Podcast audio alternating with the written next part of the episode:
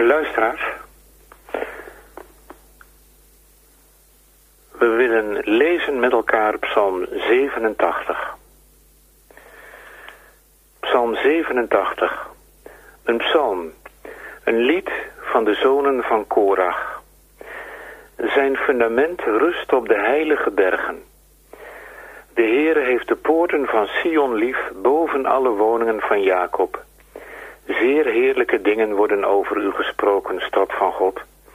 Ik noem Rahab en Babel onder wie mij kennen. Zie, de Filistijnen en de Tyriër met de Cushit, die zijn daar geboren. Van Sion wordt gezegd, man voor man is erin geboren. De Allerhoogste zelf doet haar stand houden. De Heere telt hen erbij wanneer hij de volken opschrijft en zegt, deze is daar geboren. De zangers, evenals zij die in rijen dansen, zingen, al mijn bronnen zijn in u. De tekst voor de overdenking, Psalm 87, vers 4. Ik noem Rahab en Babel onder wie mij kennen.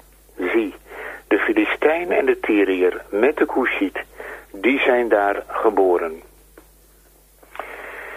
Beste mensen, Psalm 87. Het gaat over Jeruzalem, de stad van God. Er zijn veel christenen van over heel de wereld die er naartoe trekken. Er naartoe trekken om daar te zijn waar eens de Heer Jezus gelopen heeft. Om daar te zijn waar eens de heilsfeiten hebben plaatsgevonden. Op een of andere manier krijg je als je daar loopt een bijzonder gevoel. Hier heeft plaatsgevonden wat het fundament is geworden van de christelijke kerk. Jeruzalem, een centrale stad, voor het jodendom en voor het christendom. Maar ook voor de islam. Na Mekka is Jeruzalem de tweede heilige plaats in de wereld voor die godsdienst. Hier vonden centrale gebeurtenissen plaats en hier zullen centrale gebeurtenissen gaan plaatsvinden in de toekomst van deze wereld. In ieder geval was ook de dichter van Psalm 87 zich bewust van het centrale van Jeruzalem. Maar tegelijk krijg je het vaste idee, het gaat bij hem verder dan alleen de plaats op zich op de wereldkaart.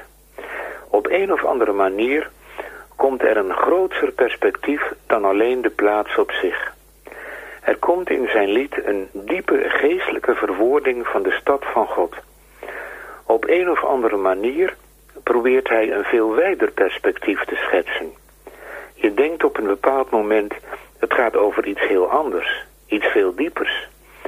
Het gaat om de wereldwijde gemeenschap van hen die door genade in de Here mogen geloven. En dan gaat het er dus niet om dat je zelf ooit een keer in je leven Jeruzalem bezocht hebt. Nee, het gaat erom dat je door genade bij de Here mag horen. Je merkt en proeft het. De dichter wordt door de Heilige Geest opgetild. Hij gaat in prachtige bewoordingen zingen van die wereldwijde gemeenschap. Er zijn uitleggers die zeggen... hij heeft toen niet verder gekeken als de toenmalige groep van Joden in de verstrooiing. Joden waren immers een volk dat verstrooid was en is over heel de wereld. Wij mogen echter nieuwtestamentisch gezien verder zien dan alleen het Joodse volk. Wij mogen weten dat er wereldwijd gezien een kerk is ontstaan uit alle volken. Een kerk die gebouwd is op het fundament van wat ooit in en rondom Jeruzalem zich heeft afgespeeld. We denken natuurlijk aan de komst van de Heer Jezus in het vlees. Hij werd Jeruzalem uitgeworpen en moest sterven op een heuvel buiten de poorten van Jeruzalem.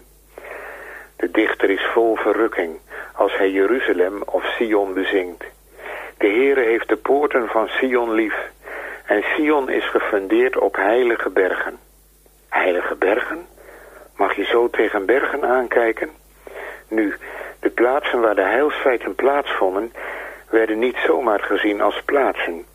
Ze kregen tegelijk ook de benaming heilig. Heilig, dat wil zeggen het was een plaats aan God toegewijd. Een plaats waar het meest fundamentele had plaatsgevonden wat je kon bedenken. Een heilsfeit. Denk maar aan de heuvel Golgotha.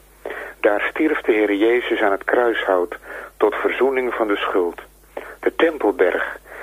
Elke dag werden de offers van de verzoening vonden daar plaats. Nog steeds is de klaagmuur een overblijfsel van de laatste tempel voor Israël een heilige plaats. Wat een perspectief schildert de dichter. Je zou bijna zeggen, hoe is het mogelijk? En toch doet de dichter het. Zeer heerlijke dingen worden van u gesproken, o stad van God. Kijk eens wie hier als inwoners van die stad geschilderd worden. Rahab. Wat wordt daarmee bedoeld? Rahab, dat is een andere naam voor Egypte. Maar denk erom, ook Babel. Vergis jezelf niet. Nee, de dichter wordt aangedreven door de Heilige Geest. En door die geest weet hij wat genade vermag in het leven van mensen. Ja, luisteraars, dan pinnen wij nog wel eens mensen vast op hun verleden. En dan zeggen wij, het kan niet. Maar de genade van God kan heel andere dingen uitwerken in het leven van mensen. Heel andere dingen dan wij mensen verwachten. Laten we dat goed bedenken. En zo worden hier opeens de namen van Rahab en Babel genoemd.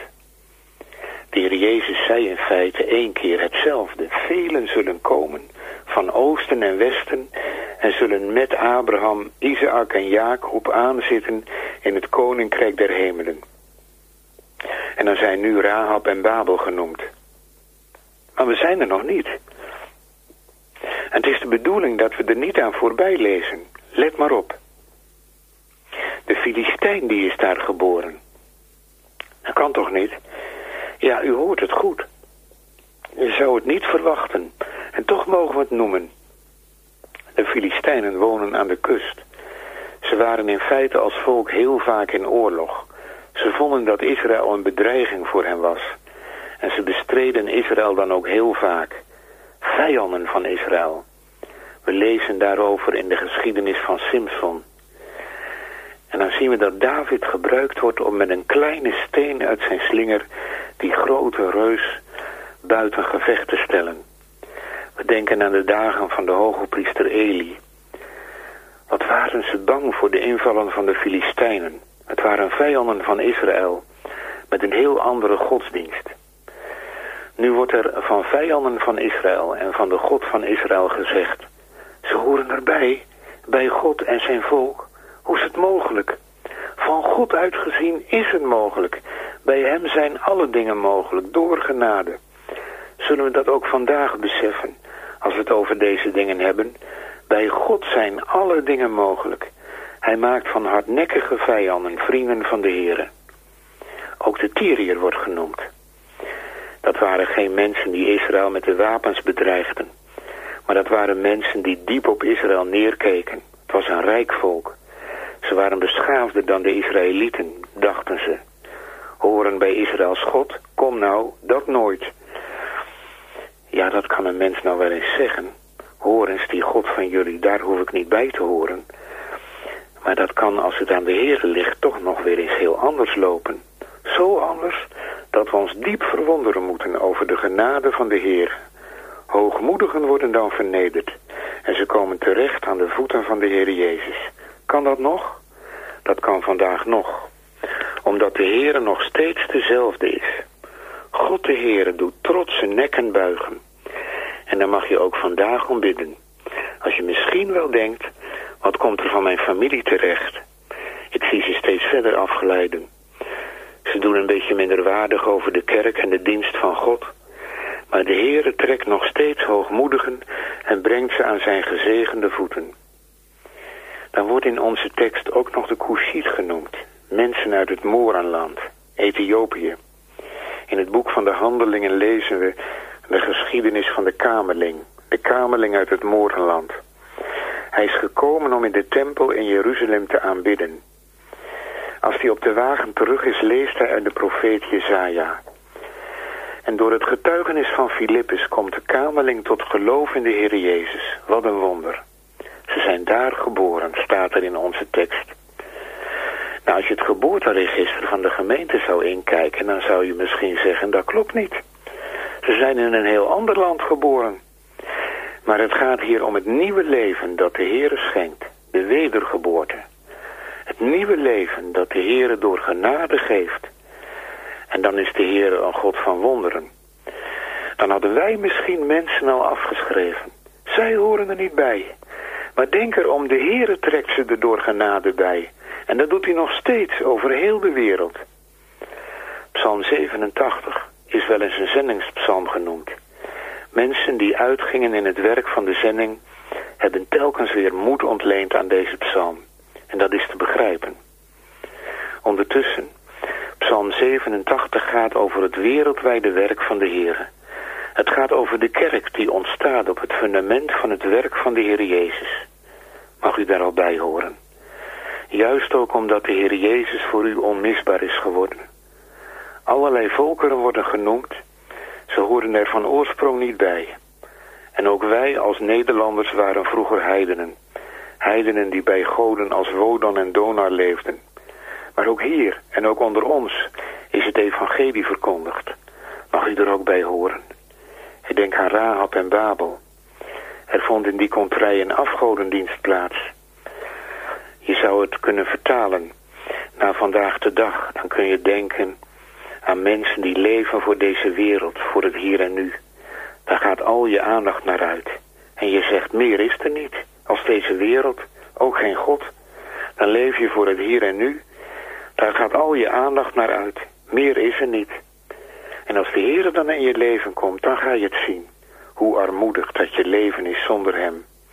Dan denk je, hoe is het mogelijk dat ik ooit zo heb kunnen leven? Zonder de Heer Jezus is het niet goed in je leven.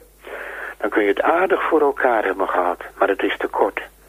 Als de Heer je dat laat zien, dat is niet het slechtste moment, luisteraars. Dan kom je op de knieën. Dan is er een roepen om zijn genade. Dan ga je hem kennen. En dan wil je ook voor hem leven. Ik denk hier ook aan die Filistijn, openlijk vijandig tegenover God en zijn dienst. Bereid om geweld aan te richten. Geweld tegenover de kerk. Je ziet het bij de vervolgde kerk.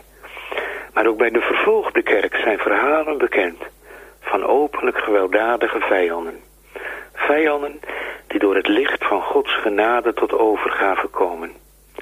Ik denk hier aan de Tyriër, de beschaafde vijand. Hij zal niet tot geweld overgaan, maar openlijk laat hij zijn minachting voor kerk en godsdienst blijken. Godsdienst, dat is er voor hen die achtergebleven zijn. Maar ook hen brengt de Heer op de knieën. Ik denk aan die kamerling uit het Morenland, uit een ver land gereisd naar Jeruzalem, overwonnen door de genade van de Heere, en hij reisde zijn weg met blijdschap. Geloven we nog in die macht van de Heere, ook vandaag, voor onze kinderen en kleinkinderen, voor misschien wel openlijke vijanden van Christus, door het bloed van Christus nabijgekomen, door genade. Nee, ik deed er eerst niet aan, maar het is nu anders geworden. Wij moesten wat dat betreft meer geloof hebben voor onszelf, maar ook voor anderen. Meer geloof in de macht en kracht van de Heer, die alle macht heeft. We geloven soms in zoveel dingen, maar niet in de macht en kracht van de Heer. Maar denk erom, wat bij de mensen onmogelijk is, dat is mogelijk bij de Heer. En het is zoals het lied het zegt, daar zijn geen grenzen aan Jezus' macht, voor al wie wonderen van hem verwacht. Amen.